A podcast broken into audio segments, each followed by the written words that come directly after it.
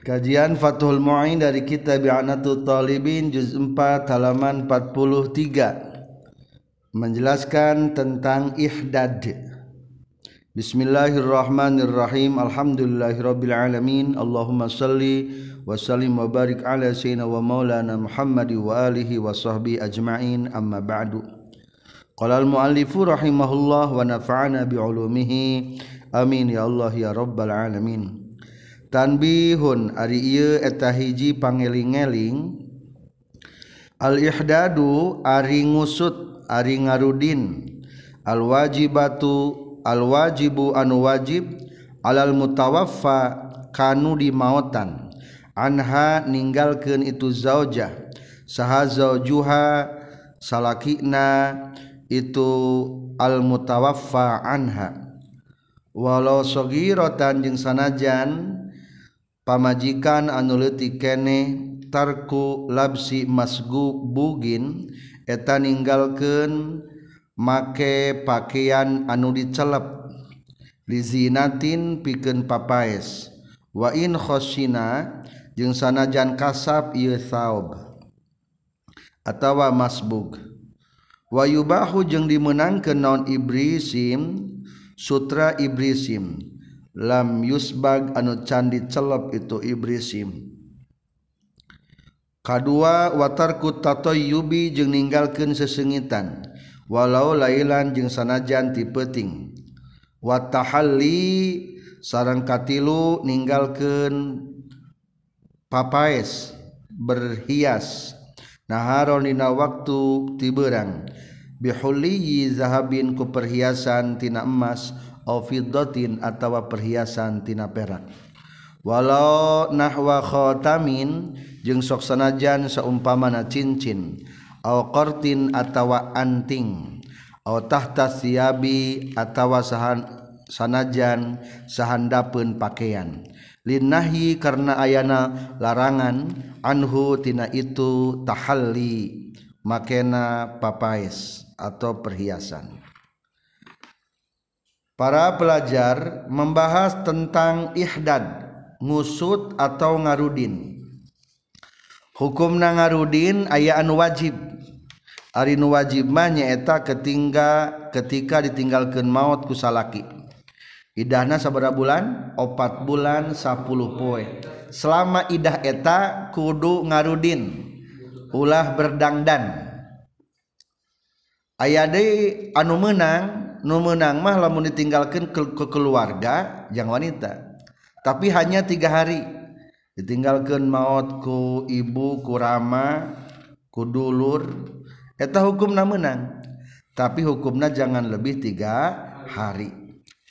Ia mah membahas anu wajib. Al-ihdadul wajibu alal mutawaffa anha hukumnya wajib ngarudin bagi wanita yang ditinggalkan mati oleh suami meskipun wanita tersebut masih kecil. Kuma cara ngarudin hiji tinggalkan pakaian-pakaian anu dicelep. Jadi warnana kudu warna asli baju-baju teh. Ulah pakai baju warna-warna corak hidung berem koneng. Bodas berarti warna teh warna anu ulah celpan berarti maksud nama pakaian rumah sehari hari haram hukumnya memakai anu salur anu batik. Jadi eta makan geus diwarnaan. Jadi celep teh geus diwarnaan. Haram eta hukumna. Terkecuali ibrisim eta mah menang wa yubahu ibrisim. Meskipun kasar kaina ari kasar ari kasar mah meskipun kasar Ari berwarna mah hukumna teme temenan Iya mungkin kebanyakan di zaman ayeunanya kadang-kadang ditinggalkan maut ke masih cantik gue tampil nanti ulah gue nama kabeh haram. Komo lamun jadi public figure di shooting terus pakaian teh alus terus ulah. Alus bagusnya jangan zaman ayeuna mah hindarkan daripada sorotan kamera soalnya lamun hayang selfie selfiean mah kudu alus wae. Tudung nu biasa segala nu biasa. Jadi cantiknya di minimalis gitu. Kedua watarku tatoyub menghilangkan wewangian. Ulah make sesengitan. Disemprot hairspray ulah eta. Wa tahalli naharon ala zahabin aw fiddah berhias make perhiasan teu meunang. Make emas make perak. Udaran heula cincin udar. Anting sumber udar. Kapan dilebat? Oh tahta siabi meskipun di dalam pakaian teka tingali jadi kadek gelang udar hela cincin udar hela kaopat wa minhu sarang eta tetep kalebetkeun kana huliyin perhiasan mumawwahun ari anu disipuh bi ahadihima ku salah sahijina zahab jeung fiddah walu'lu'un jeung inten wa nahuhu jeung sabangsana lu'lu. Minal jawahiri nyatana tina pirang-pirang permata. Allati anu tatahal tutahalla anu dipake berhias non biha itu lati wa minha jeung eta tetep tina sebagian jawahir al aqiqu aribatu aqiq. Wakaza jeung tanya kitu deui nahwu nuhasin saumpamana tembaga wa ajin jeung sipuhan jeung aji sihung gajah. Ingkanat lamun kabuktian itu si imroa min qaumin ti golongan kaum-kaum yatahallauna anu sok make perhiasan itu kaum bihima ku itu nuhasin sarang ajin. Anu diharamkan bukan hanya emas dan perak tapi sipuhan-sipuhannya. Jam tangan dicet emas dicet perak. Kedua termasuk kene inten. Tegaduh inten mannya atau permata. Pokoknya mah naon baik anu dipakai perhiasan termasuk batu ali batu akik. Atau tembaga. Di orang mah kadang-kadang aksesoris-aksesoris dibuat tina tembaga. Nah, hukum nah haram dipakai ke istri ke iddah. Kumaha lamun eta kaum teh mungkin suku pedalaman sehingga berhias nanti kunaon ku sihung gajah. Da suku pedalaman ieu mah. Haram make sihung gajah ge. Di haram tetap itulah simpulna berhias memakai aksesoris hukumna haram untuk wanita yang sedang iddah. Kaopat watarkul iktihali jeung ninggalkeun disifat biismidin ku ismid ku cela. Illa li hajatin kajaba karena pangabutuh. Wa ingkanat jeung sanajan kabuktian zaujahna saudaa eta anu hideung kalima wadah nu sya'rin rosiha sarang ninggalkeun ngaminyakan rambut sirahna eta si zaujah. La sairul badani hente naon-naon sasesana pirang-pirang badan. Kaopat jangan memakai sifat kucela ismin. Kade panon ulah dicela.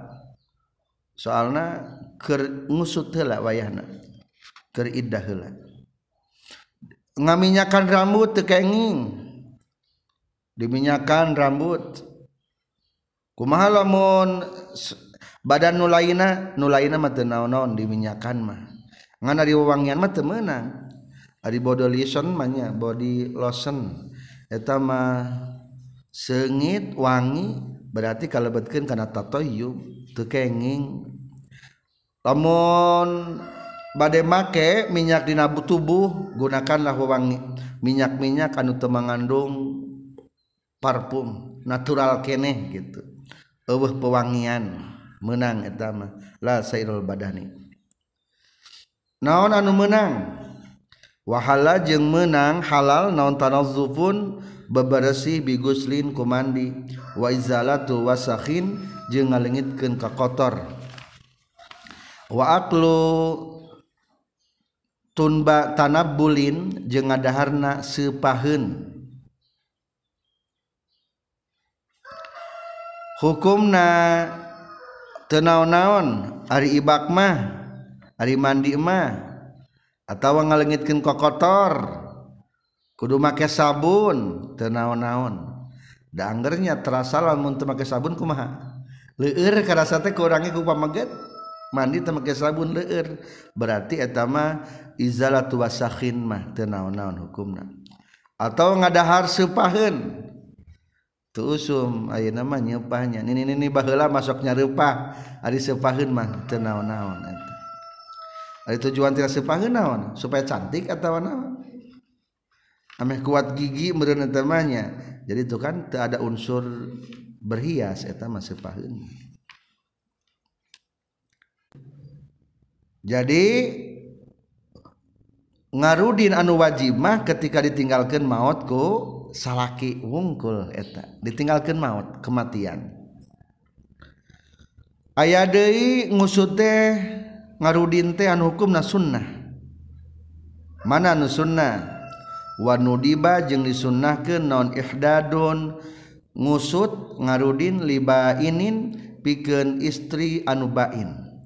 Ari bain teh put cerai anu harpan balik deui.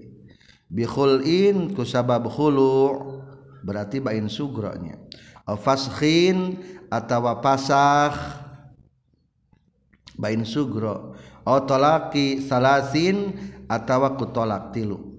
Li alla yufdi supaya tengah datangkan non tazinuha dan dana itu nukabe nyaeta si imroah lifasadiha kana karuksakan itu si imroah wakaza jengetanya kitu deui nudiba ihdad arraj'atu iyatu ari istri anu keur tolak rujuk. Illam turja lamun tadi Arab-arab naon auduhu balikna ieu zauj bitazayyuni ku gigindingan. Payundabu maka disunnahkeun itu ihdad. Ayan hukumna sunnah ngarudina. Lamun tolak bain rek bain sugro atawa bain kubro. Hulu jeung pasa ka asub bain sugro. Ari hartos ari jalmi teh istri teh lamun ditolak teh aya dua gambaran. Aya nu bisa balik deui disebut naon? Rojiyah. Eta mah bisa balik deui. Ba balik deui teh kudu kawin. Cukup. Becek istirahat pamegat nate roja atuki. Teta mah rojiyah ngarana. Tah kebalikan tina rojiyah putusna anu bain. Putus. Teu bisa balik deui. Lamun hayang balik deui teh kudu make naon? Kudu make akad tikah kembali. Wali baru tah ngaranna bain. Ngan bain ge kabagi dua. Aya bain bisa langsung kawin deui disebutna bain su sugro. Contoh anu khulu ari khulu teh naon? Meuli tolak ti salakina. Ta eta ge wayahna ngarudin. Dawuh harapan balik deui kapan ka salakina. Kan tadi ge menang meuli menang maksud ti salaki yang cerai maka wayahna ngarudin heula. Sunnah tapi ieu mah. Atawa pasah. Karena faktor aya kaaiban akhirnya memilih untuk pasah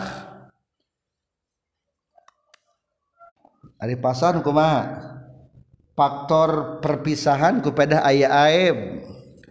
Anu tujuh teh ya gelo baros juzam atau faktor di laki laki na pelu atau pagas gagaduhan teu ayah buntung atau faktor di istri kornon ayat tulangan ngajek gagetruk atau pongpet. Tetap kulantaran pasah nikah maka wayahna ulah berdangdan. Dawuh heureub halepan balik deui. Katilu tolak tilu tolak tilu mah disebutna bain naon? Bain kubro. Total teu bisa balik deui ieu mah. Hayang balik deui teh kudu kumaha? Kudu kalaman ka batur heula geus kitu akad nikah deui. Jeng salaki pertama lamunnya hayang balik deima ta mah bain kubro jadi simpulna wanita-wanita anu bain hukumna sunnah meninggalkan berdandan. Ihdad disebutna. Kumaha lamun anu rujuk? Wa kaza ar-raj'ah anu tolak rujuk ge sunnah ulah berdandan dengan catatan lamun tidak ada harapan untuk kembali. Tapi lamun panas masih kene penasaran kene mah cek neng tenyar eh nyeri hati ditolak kusalaki rek gaya tingali ame kabitaeun deui eta mah teu naon-naon. Hukumna naon? Sunnah. Fayundabu maka disunnahkeun itu tazayyun. Ditulis lepat tadi mah domirna. Fayundabu maka disunnahkeun eta tazayyun. Lamun ada harapan untuk kembali suamina meningkatnya berdandan sok pelet. Suamina maksudnya dengan tampil menarik dan tampil cantik. Kangerankeun istri mah lamun gak di, di dangdanan mah ah, cantik pokoknya mah. Tinggal di para artis genya. Hari mimiti tampil karena televisi mah ke perlombaan biasa wae wajahna. Tapi itu resmikan jadi artis mah jadi berubah wajahna gitu itulah. Jadi wanita itu disulap bisa. Disulap. Ngalamun lalaki lain kudu cantik lalaki mah kade. Kudu maco nu penting mah lalaki mah. Ieu mah lalaki-lalaki make hand body lotion. Lah lah penting nu pewangian lalaki mah. Maco nu penting mah. Gentleman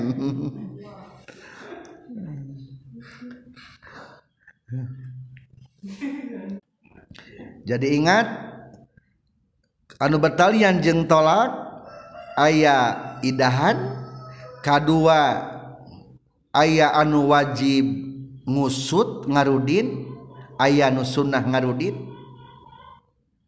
Ya kelanjutan tidak ditolak ya katilu ayah di tambahna watajibu jeung wajib alal mu'taddati ka istri anu keur gawe iddah bil wafatiku wafat wa bitolaki bainin jeung ku bain aw faskhin atawa ku pasah naon mulazamatu maskanin cicing di imah.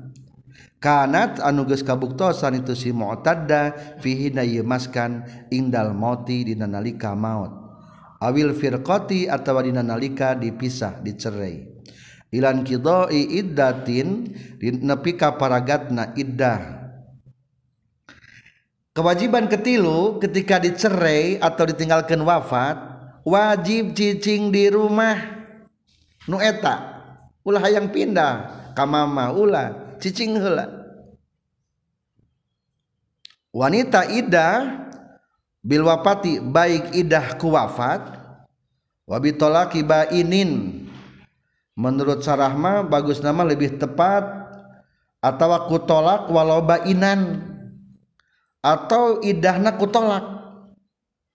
Meskipun tolak nate tidak ada harapan untuk kembali tetap cicing di imah. Jadi wabi tolaki bainin menurut sarahma lebih tepat mah bahasana kumaha wabi tolakin walau bainan. Soalnya engke ayah kapayun anu rujuk ge cicing di imah didinya. Anu bain didinya cicing baik anu pasah didinya cicing. Mulazamatu maskanin nyicingan imah anu waktu tinggalkan maut kusalaki nu eta. Atau awil firqati waktu dicerai kusalaki berarti didinya bae cicing terus. Sampai kapan menetap di eta imah? Nepika beakna iddah. Cicing di imah. Itunya berarti jaminan untuk wanita untuk jangan sampai dihianati. Kade lalaki ulah enak-enak kena-kena geus cerai diusir ti temenang haram. Kudu tempatkeun eta pamajikanana di imahna. Sampai habis masa iddah. Atau anak-anaknya kadang-kadang lah si bapak lagi maut iya daya mah indung tere diusir. Temenang can beak idah mah ulah wani-wani ngaganggu wajib cicing di imahna anuker waktu ditinggalkan maut atau diceraikan kupak salakina. Kumahala mereka keperluan menang te keluar rumah walaha jeung eta tetep pikeun si mu'taddah wanita anu keur iddah. Al khuruju ari kaluar waktu berang li syira'i nahwi ta'amin pikeun meuli saumpamana kadaharan wabai gozlin jeung ngajualna tinunan. Wainahwih titobin jeung pikeun saumpamana ngalasuluh. La lailan teu meunang kaluar ti peuting. Selama cicing di eta imah nu ditinggalkan maut atau dicerai keluar rumah sih boleh. Tapi satu hanya sekedar untuk mencari makanan. Rek beli makanan data mah primernya. Atau menjual tinunan. Zaman baheula lama rajinnya wanita-wanita itu ninun di bumi. Jadi sebaiknya wanita memeningkan badu pada melantin di bumi wela kerajinan kerajinan mata kulusing biasa kerajinannya. Zaman baheula lama eta gozlin. Geus biasa perumahan-perumahan teh ninun. Hum industri na teh waktu harita mah. Katilu walah walinahwi hitabin jang urang kampung marek ngalasuluh daku hawu teu naon-naon. Da eta mah primernya jang masak teu naon-naon. Tapi tetap di malam hari mah tidak boleh. La lailan. walau awalahu jeung sanajan mimitina itu lail. Khilafan barina ngabedaan di ba'dihim pika sebagian para ulama. Laki lakin laha tetapi eta tetap pikeun si mu'tada khurujun ari kaluar lailanina waktu penting ila dari jarihi kat imah tatanggana itu zauj. Al mulasiki anu ngantel. ligozlin pikeun ninun wa haditsin jeung pikeun ngobrol cacarita wa nahwihima jeung sabangsana gozlin jeung haditsin lakin bisarti ayyakuna tetapi kalawan syarat yen kabuktian non dalika itu khuruju lailana biqadril adati kusa ukuran kebiasaan. Wa alla yakuna jeung yen ulah aya ingdaha eta tetap disaningenana itu si mu'tadda sahaman jalma yuhaditsu anu nyaritaan itu man ha ka itu mu'tadda. Wa yu'annisu jeung ngaluludeung maksud ngaluludeung teh ngabebetah itu man haka itu mu'tadda. Alal aujahi numutkeun kana kaul unggul. Wa antarji'a jeung yen balik itu si mu'tadda wa tabitu jeung meuting itu si mu'tadda fi baitiha di imahna mu'tadda. Tetapi masalah tipe ting ya boleh keluar malam tapi hanya sekedar tetangga anu antel. Jeung deui kegiatan lagi hanya gozlin ninun atau hanya ngobrol-ngobrol ringan. Di orang menda tegalibnya awe penting-penting ngobrol. Kata tangga tara tara ayah di orang mah berarti ulah di orang mah. Ngan andaikan situasi daerahna lolobana para karyawan para pekerja ramena titi penting sebagian daerah mah contoh di Arab kadang-kadang rame titi penting teh tos biasa. Komo di musim panas seluruh kegiatan aktivitas di malam hari. Umpamana ninun geti malam sok tenaon-naon ngobrol geti malam tenaon-naon tetapi seukuran biasa biqadril ada tapi tetap wa alla yakuna indaha man yuhadis sabot ke kata tangga teh ulah ngobrol jeng jalma anu matak nenangkan lah hitung-hitung hiburan kata tangga ah ngobrol.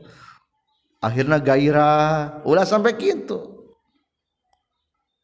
jadi ulah matak tenang mungkin bakal lebih enak di luar rumah.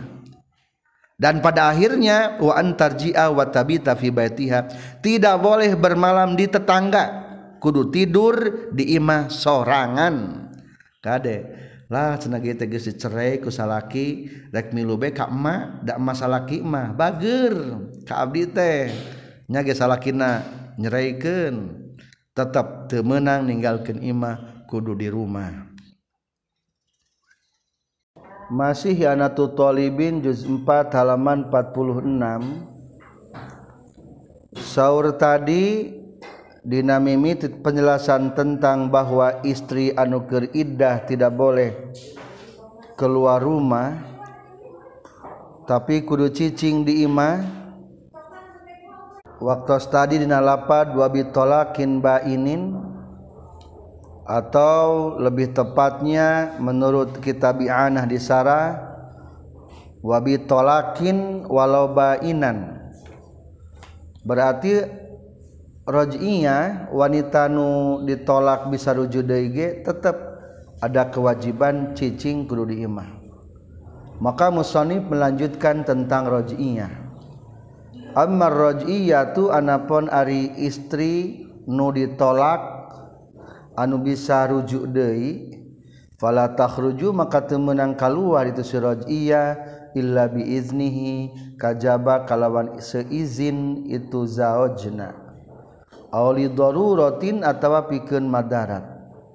Li anna alaihi karena saestuna eta tetap wajib pikeun zaoj alqiyamu ari ngalajalankeun bijami'i mu'natiha kana sakabe pembiayaanana itu sirojiyah kau zaujati sepertikeun pamajikan baik. Wa misluha jeung eta pantarna rajiyah bainun ari awewe anu tolak bain hamilun anu keur hamil. Kana mikeun istri berpisah dengan suami pepeje wajib diam di rumahna. Lamun tadi anu tolak bain anu pasah menang keluar rumah jang piken balanja. Atau piken ngajual tinunan piken ngalasulu menang keluar imah. Tapi kade ammar raj'iyah fala takhruju illa biizni. lamun wanita ditolak bari bisa rujuk deimah temenang keluar rumah tanpa seizin suami. Naon sababna? Soalnya kewajiban suami masih berlaku. Napakah masih keneh ayah nimahan masih keneh ayah jadi teperlu keluar rumah pikir ngalasuluh atau pikir balanja kawarung lianna alaihil qiyamu bijami natiha kewajiban suami membiayai wanita nu ditolak rujuk. Kebiayaan suami kewajiban ngebiayaan teh. Kazaujati seperti halna pembiayaan-pembiayaan istri anu masihkan dalam pertalian pertikahan mata kitunya bedanya. Rojiyah mah jadi lebih dispesialiskan lamun tadi mah salah kita hanya wajib ngam imahan wungkul tapi lamun tolak rujuk mah tambahna nya wajib ngaimahan nya wajib ngabiayaan. Wa misluha bainun hamilun. Seperti wanita anu ditolak bisa rujuk deui adalah wanita anu bain tapi keur hamil. Berarti dalam kurung salaki wajib ngaimahan jeung ngabiayaan. Soal naina tak kandunganana ayah sahaan ayah ba bayian milik suami nah sabab lamun awewe ditolak bain reku jalan tolak tilu atawa hulu atawa pasah maka pikeun salakina wajib ngaimahan wungkul henteu wajib nganapakahan. Imah nama rek pangnyieunkeun atawa pang nye pangmelikeun atawa pangnyewakeun kulantaran henteu wajib napakah ka zaujna maka awewe menang kaluar jang kasab manehna. Nah, itulah tentang kewajiban wanita berpisah dari suamina kudu cicing di imah. Kumaha lamun aya uzur bisa terpindah rumah pindah tempat cicing. Watan takilu jeung pindah itu si mu'taddah wanita anu keur iddah. Minal maskani ti imahna li khaufin karena aya sieun ala nafsiha kadirina itu si mu'taddah awaladiha atawa ka anakna muqtaddah aw alal mali atawa kana harta walau li ghairiha jeung sanajan milik salianti itu muqtaddah kawadiatin sapertikeun harta titipan. Wa in qalla jeung sanajan saeutik itu mal. Wa khafi hadmin jeung seperti sieuna runtuh au harikin atawa kahuruan. Au sarikin atawa anu malik. Au ta'azzat atawa narima pilara itu si mu'tadda bil jirani ku pirang-pirang tatangga azan kalawan pilara syadidan anu banget. Tapi wanita boleh pindah rumah satu lamun khawatir kadirina aya gangguan. Dua khawatir ke anakna. Tilu khawatir karena hartana meskipun harta milik orang lain umpamanya harta titipan tenaon-naon berpindah tempat. Meskipun tidak seberapa saetik hartana tenaon-naon pindah tempat. Empat wa khafi hadmin. Khawatir karuntuhan imah nages butut sudah tidak layak huni. Hmm. Lima harkin. Khawatir kejadi kebakaran. Daerah panas imah dari gubuk mudah terbakar umpamana. Enam sarikin. Khawatir ayah pencuri maling. Soalnya suami suamina. Tujuh atau sudah tidak tahan dengan singgungan-singgungan daripada tetangga ta'azzat bil jiran tah nu tujuh macam ieu mah faktor penyebab istri boleh berpindah tempat. Berarti pindah wenya salakina ngontrak dipangontrakkeun ku salakina heula teu naon-naon. Kade seueur di urang mah kadang-kadang ditinggalkan ke suamina keneh-keneh baheula teh.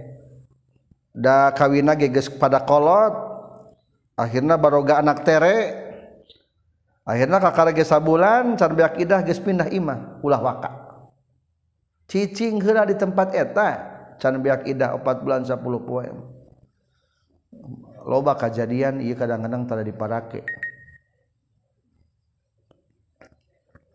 Boleh tuh salakina tinggal rumah didinya?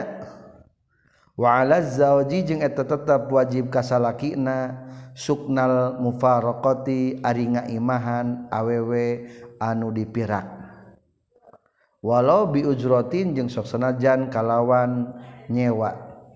Malam takun salagi tekabuktosan itu si muparoko nasizatan eta anu nusuz. Walaisa jeung temenang lahu pikeun ieu si zaoj. Naon musakana tuha saimahna jeung zaujah atau sarang mufaraqah wala duhulu mahalin jeung temenang asub ka hiji tempat hiya anu ari tumuparoqah fihi na yeman mahal. Ma'antifa inahwil mahrami sarta eueuh saumpama mahramna. Fayahrumu mangka haram alaihi ka ieu si zaujna non dalika itu duhuli mahalin. walau ama jeung sanajan lolong. Wa ingkana jeung sanajan kabuktian non at-talaqu talakna raj'iyan eta talak raj'i di anna zalika karena sayyiduna duhul ya jurru eta matak narik itu duhul ilal khulwatil muharramah kana nyepen berduaan anu diharamkeun. Biha sartana itu al-muharramati anu diharamkeun naon biha itu khulwat wa min sama jeung tina kulantaran ya juru ilal khulwat lazima tamistiha kasih mufaraqah naon man'uhu nyegahna kasih jauz. In qadarat lamun mampu itu mufaraqah alaihi kaya zauj kade kapara suami naudzubillah tapi terjadi perceraian lamun berani-berani nyeraikan pamajikan waala zauji suknal mufarokoh kudu ditempatkan di imah. Kudu ngimahan awewe anuges dipirak. Baik kudu nyewa pang nyewakan hela dengan syarat selagi eta wanita nu diceraikan teh bukan henteu nusuz teu ngalawan. ngalawan baik tenusud mengadat baik maka orang ngagebugan segala KDRT wajib diimahan. Ngan jika nama berani akan ngaran kentas cerai mah karena gentolak panggih padu sungut nyarekan mungkin kadang-kadang berbuat kasar. Adik itu mah wajib ngaimahan. Tapi lamun iya mah soleha pepeje imahan cicing. jadi karakter istri teh aya nu pemberani aya istri teh anu lemah. Maksud lemah teh ceri kowe. Apapun kepahitan dihadapina dengan tangisan. Nah, lamun tangisan unggul mah tetap wajib ditempatkan di imah. Ulah diusir kan di imahna. Lamun mual di imah pangyewakeun. Di mana? menang te asup kadinya wayah te menang saima. Dabongan geus ditolak.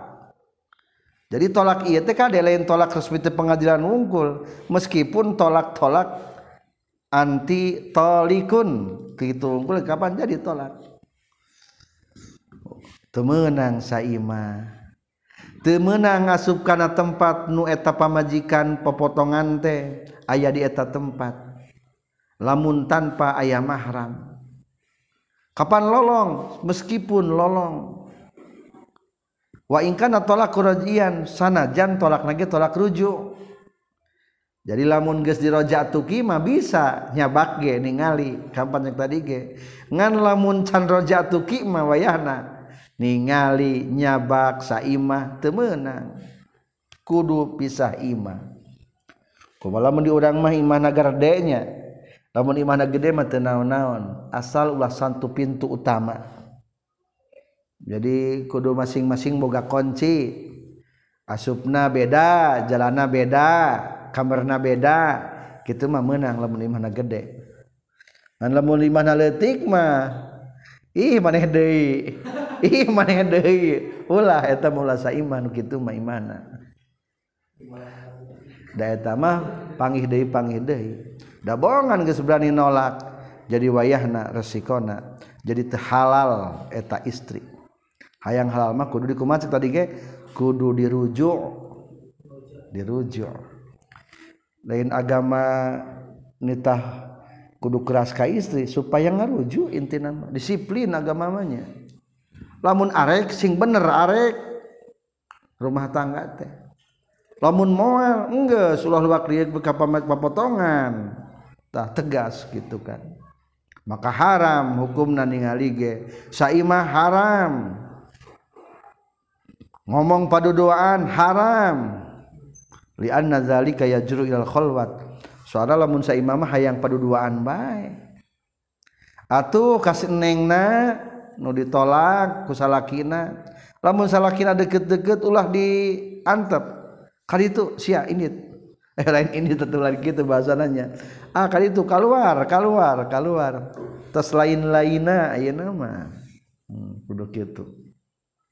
Hari kasar mah bisa kalebutkeun kana nusuz kudu bahasa alus kada istri. Itulah tentang nu bertalian sarang tolak. Jadi simpulna wanita ditolak itu adalah hiji ayat idahan lamuntina ditinggalkan maut ayaah Ihdad ayaang musutan katilu berkewajiban cicing di rumah ulah keluar sebelum masa iddah. Tilu poin nu berkaitan jeung perceraian. Ayeuna tahap kedua menjelaskan tentang iddahna amat. Wakama tak tadu jeung seperti gawe iddah saha hurratun istri anu merdeka. Bima ku perkara zukiro nu caritakeun itu ma tak tadu tah gawe idah saha gueruha salianti itu hurrah. Ail hurrati tegasna masih hurrah. Binispin ku satengah min iddatil hurrati tina idahna istri anu merdeka. Di annaha karena seestuna amat atau garuha bahasana nambema ala nisbi netepan kana satengahna fi katsirin dina kalolobaan minal ahkami tina pirang-pirang hukum. Wa kumila jeung disempurnakan naon at-tuhrusani suci sucian anu kadua. Izla yazharu karena teu bisa dohir naon nisfuhu satengahna itu tuhrusani illa bizuhuri kullihi kajaba ku dohir sakabehna itu sani. Tohrus sani. Pala buddha mangka misti minal intidori tina ngadagoan illa ayyauda nepi kayen balik deui naon adamu darahed para pelajar tadi ayat tilu pembahasan tentang macam iddah istri nu merdeka atau boleh di dua baris terakhir dilihat. Tahlamun amat ma. Cara idah nate kumaha? Satengah nate nu tadi. Cing mana nu tadi? Hiji. Fatata duzatul ashur. Lamun wanita merdeka tarahed sabaraha idahna tilu bulan. Berarti ayeuna mah lamun amat sabaraha bari setengahna kahiji datul asur sahron wanispan. Idahlah wanita yang memiliki bulanan maksud memiliki bulanan tenu idahna ku bulan dapat tarahed nyaeta sabulan setengah kedua lamun wanita merdeka sokhead sabar sucian. Tilu kali sucian. Berarti lam setengahnya sabaraha? Hiji setengah ngan peda setengah nama hese. Matak dinamatan wakum milat tuhrusani sempurnakanlah sucian anu kadua. Ulah ngitung setengah ada hese. Berarti seberapa tuh? Dua sucian. Maka numeran wa ta'taddu zatul aqra qur'aini idahlah amat anu ngabogaan sucian dalam artian sokhead dengan dua kali sucian hente sasuci satengah dah kagok hese ngitungna taruhlah lamun suci kan 15 hari tujuh hari dah hese ngitungna belum tentu tujuh hari. Loloba nama 20 tilu poe wanita bersuci teh dah headna tujuh hari umpamana. Atau 15 poe ayah itu kadang-kadang fleksibel itu bisa menetap aya kalana 15 aya kalana 20 tilu. Kadang-kadang di wanita mah lamun sering disakiti ku salakina gampang head eta teh.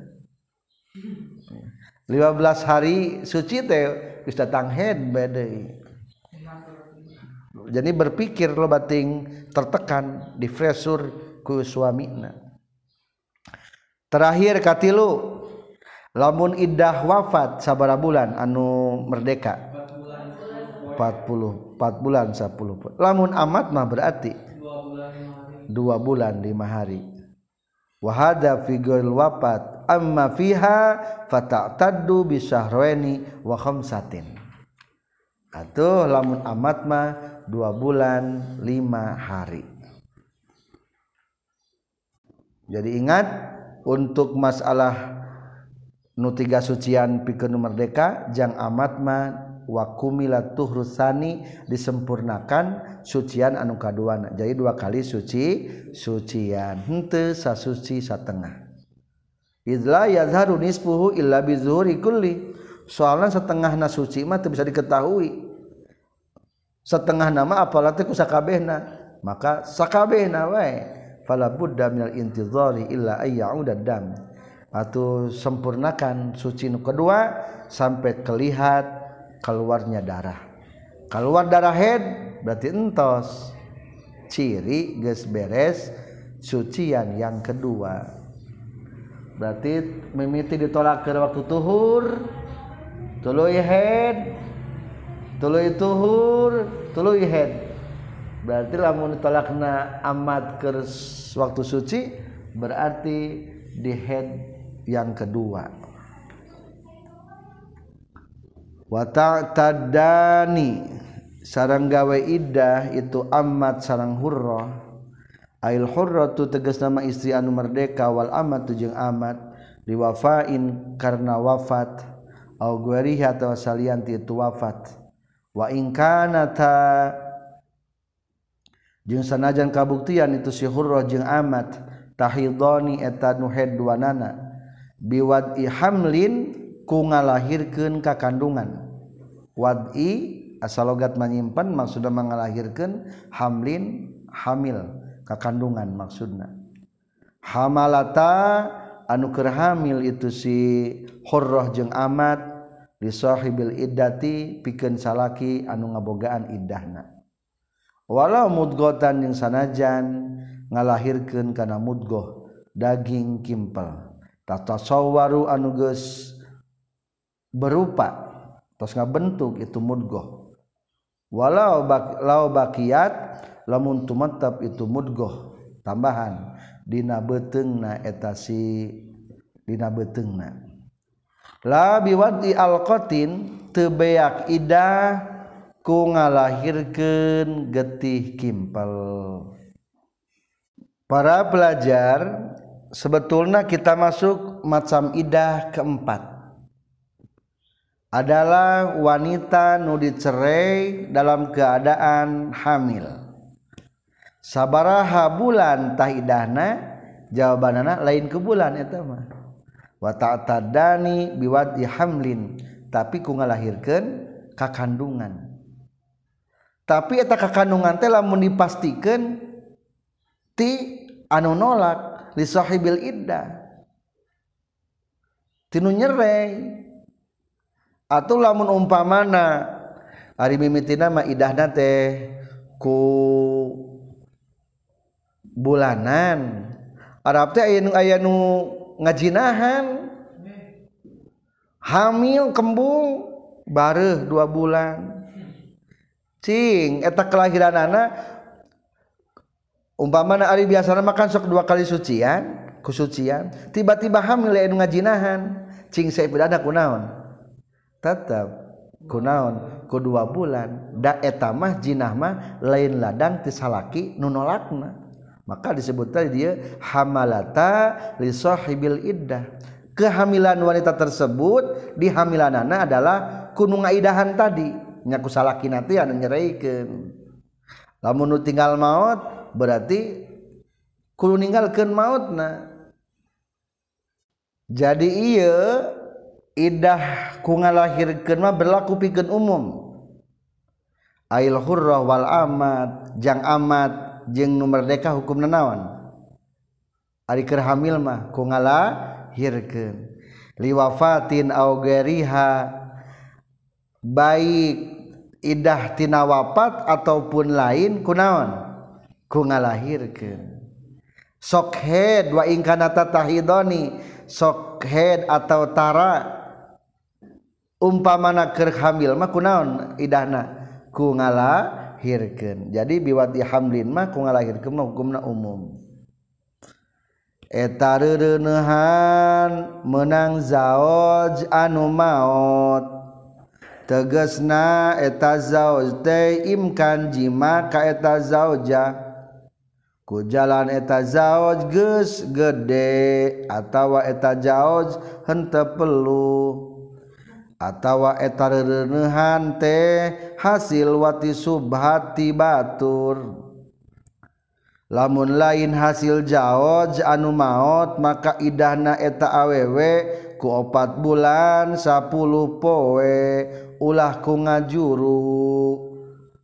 Jadi lamun kerhamil mah idahna teh ku ngal, sampai ngalahirkan cek tadi ge lamun nu ngamilanana nu bersangkutan. Nyata nu maotna. Atuh lamun lain nu ngamaot mah umpamana naudzubillah aya nu make batur dizinaan berarti wayahna eta mah tetep opat bulan 10 poe. Lamun awewe ditolak samemeh beak idah. Lamun awewe ditolak sameme beak idah aya nu ngeureuneuhan tegas nazina tulu irene maka idahna eta awewe tetap ngitung waktu anu tihela lain ku ngajuru anu hasil zina. Tadi kesimpulan tadinya. Eta rereneuhan teh hasil mani salakina lamunhanana lain menang salakina maka etamah Idahna. Lamun ditinggalkan maut kuopat bulan 10 poerek ngajuru atau encan. Hamil lagi lain menang salakinanya Atawa lamun ditolak mah lamun awewena sokhed maka kutilu sucian. Lamun tarahed mah kutilu bulan. Ayeuna orang digambarkan kumaha lamun eker idah kalah kaya anu ngawati subhat wati subhat teh mungkin bae. Kawin anu pasid. ke waktu idah kalah kawin manten eta teh jadi pasid nikahna. Lamun wati watina wati subhat eta teh. Kumaha tah lamun kitu? Lamun awewe diubati subhati batur tuluy reune atawa henteu. Tuluy ditolak ku salakina. atawa eta salakina maut maka eta awewe wajib nyieun idah dua kali. Hiji idah wati subhat dua idah tolak. Atawa idah wafat. Lamun hasil wati subhat teh maka idah subhat ku ngajuru. Geus ngajuru tulu nyiin deui idah tolak atawa idah wafat. Idah tolakna lamun memeh reuneuhna soket berarti idahna kutilu sucian. Ngan lamun tarahed idahna tilu bulan. Jadi tetap wanita berpisah dengan suami dalam keadaan hamil adalah sampai ngalahirkan. Ngalahirkan naon cing hari ngalahirkan. Meskipun daging kimpel mudgo hari budak mah sempurna. Iya mah daging kimpel. Hari mudgo sabara usia sabara hari mudgo opat bulan berarti.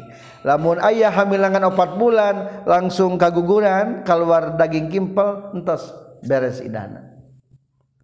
Kumaha lamun gugur kaguguran teh alkoh kene getih kimpel. Opat puluh hari cai mani opat puluh hari getih kimpel. Tah lamun keluar getih kimpel mah la biwadi alkoh tematak beak idahna ku alkoh mah. tematak beak indahna ku alkohol soalnya ari alkohol darah daman. Lain hamil. Atau umpama nabi si ayah kerhamil sabulan salaki maut keguguran. Beresan idahna acan hitung we sok hentara. Lamun tarahed berarti hitung tilu bulan tina maut salaki.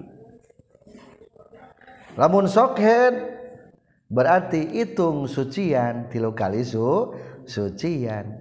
Itu dianggap keluar alkoh getih kimpel anu etak jadi dina kita bianatutolibinnya seur masalah-masalah fikih. Intisari-intisari fikih sebagai pembekalan para calon ulama. Jadi ilmu masalah-masalah fikih teh geus aya di dieu gitu termasuk masalah langka gitu. Ari sebetulnya namanya dina teori di lapangan mah jarang anu ruwet-ruwet teuing. Biasanya mah normal gitu. Normal. Faraun ari ieu eta hiji cabang.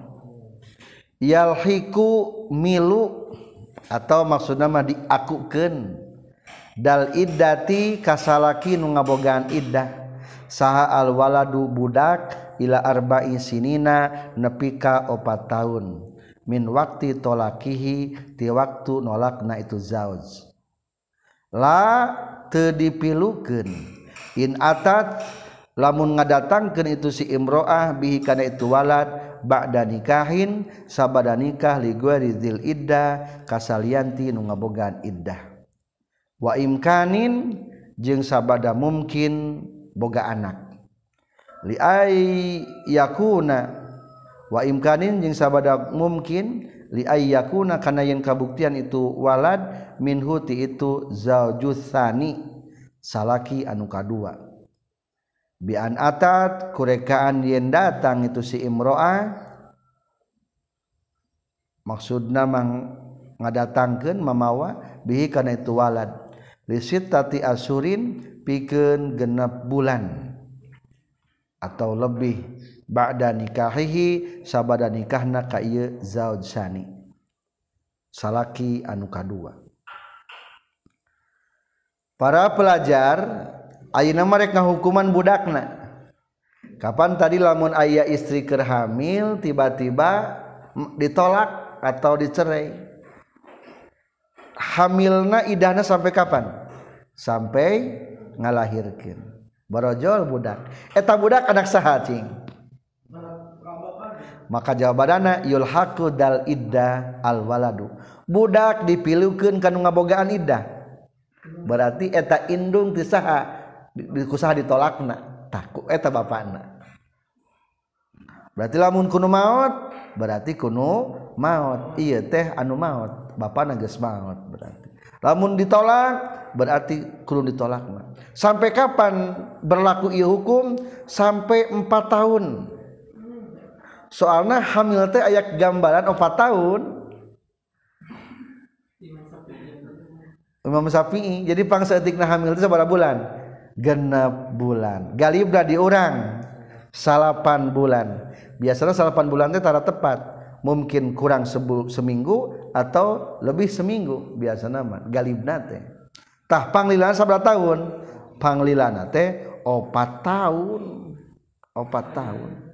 Soalnya penentuan tentang kehamilan mah iya mah berdasarkan istiqro hasil daripada penelitian maka disarah pun dikatakan watan tahil kasro biwad'ihi dan sampai banyaknya melahirkan waktu untuk melahirkan itu sampai li arba'in sinin empat tahun. Karena empat tahun itu adalah aksar mudatil hamli paling banyak atau paling lama masa kehamilan. Dengan dalil istiqro. Ada hikayat cerita Imam Malik. Imam Malik menceritakan Qala jaratuna imra'a Muhammad bin Ajlan. Tetangga Imam Malik ayah hiji istri eta wanita teh istrina Muhammad bin Ajlan. Imra'atun sadaqa wa zawjuha rajulun sadaqa. Wanita jujur dan lakinya pun jujur. Bahwa anjeuna hamil tilu kali dengan membutuhkan waktu 12 tahun. Soalnya sekali hamilnya seberapa tahun? Opat tahun opat tahun. Jadi penisbahtan penghubungan nasab eta budak nu ditolak atau nu tinggalkan maut adalah kasahana. Ka bapa nu nolakna eta pamajikan atau lamun maut berarti ka bapana eta istri anu tinggalkan maut. Sampai kapan maksimal? Sampai opat tahun. Dengan perkiraan lamun hamilna opat tahun. Tapi dengan syarat lain atat bihi dan nikah ligoer eta budak lain hasil setelah nikah jeung batur. Ai di orang mata opat tahun biasa namanya istri mah. Beak idah teh kadang-kadang lamun masih kene muda mah naon deui? Kawin deui. Hamil lain tunubahla etama tidak salaki anu ba baru. Dina praktek tadi orang mah kadang-kadang lamun tinggalkan maut 4 bulan 10 hari nikah lagi tuh. Masa kehamilan 8 bulan setahun geus boga di budak ti salaki nu anyar di orang mah jadi kade penisbatan sampai 4 tahun teh dengan syarat in atat bihi ba'da nikahin liguer la bukan geus kawin jeung batur. Can pernah kawin deui boga budak? Gitu maksudnya. Berarti eta mah investasi teu maot baheula meme maot eta budak teh gitu. Jadi ieu mah jangan hukuman nasa bungkul nganna teori nama di orang di lapangannya setara tara ayah geus ditinggalkeun 4 tahun ujug-ujug buka budak tinu geus maot nu normal gitu aya sepanjang penemuan orang mah di lapangan na realitas mah. Cek tadi di fikih mah yang menjawab permasalahan-permasalahan anu langka ge dijawab seketika. Maka ulangi la in atat bihi ba'da nikahin li bukan wanita nu mawa anak teh lamun setelah nikah kanu sejen. Wa imkanin li ayyakuna minhu dan ada kemungkinan eta anak teh tinu yang baru. Kumaha kemungkinan tinu yang baru? Bi an atat bihi lisatati asurin ba'da nikahi. Ternyata kelahiran ieu budak teh 6 bulan atau lebih setelah nikah. Tah tinu istri kadua. Berarti eta mah yakin tinu istri salaki nu kadua. Coba lamun kieu. Kawin jeung eta salaki menang tilu bulan geus hami geus lahiran. Tilu bulan geus kelahiran cing kira-kira eta budak tinu salakinu anyar tinu baheula. Tinu baheula tuh kapan. Jadi maksimal oke minimal paling cepat itu harus enam bulan semenjak nikah. Awewe ditolak. Tuluy beak idah kawin Dei kalalaki anu sejen tulu boga anak. Lamundina jero waktu genep bulan sabada kawin Dei tegesna kurangtina genep bulan maka eta budak boga salaki anu tihela nikahna awewe kanu kadua jadi pasid. lamun lewih tigena bulan eta anakna milik zaoj anu kadua. Soksanajan hakekatna boga salaki anu awal. Cek tadi ge lamun usia hamil melahirkan anak di atas genep bulan tina pertikahan berarti milik anu kadu kadua. Ngan lamun di bawah 6 bulan berarti etemah milik salaki anu kahiji. Berarti hari gitu mah ada kemungkinan kawin kerhamilnya jadi mungkin jadi wati subhat atau simpul nama nikah nafasid nuka jeng nuka dua. Wati na wati subhat. Wati subhat. Selesai tentang pembahasan idah secara sempurna. simpulna iddah teh bagi dua hiji anu merdeka kadua pikeun amat. Iddah teh aya anu ditinggal maut aya bukan. Lamun ditinggal maut mah sabara bulan? Opat bulan sapuluh poe. Jangan merdeka heula. Lamun sokhed tilu kali sucian. Lamun tarahed tilu bulan. Ayeuna kana amat, lamun amat kumaha?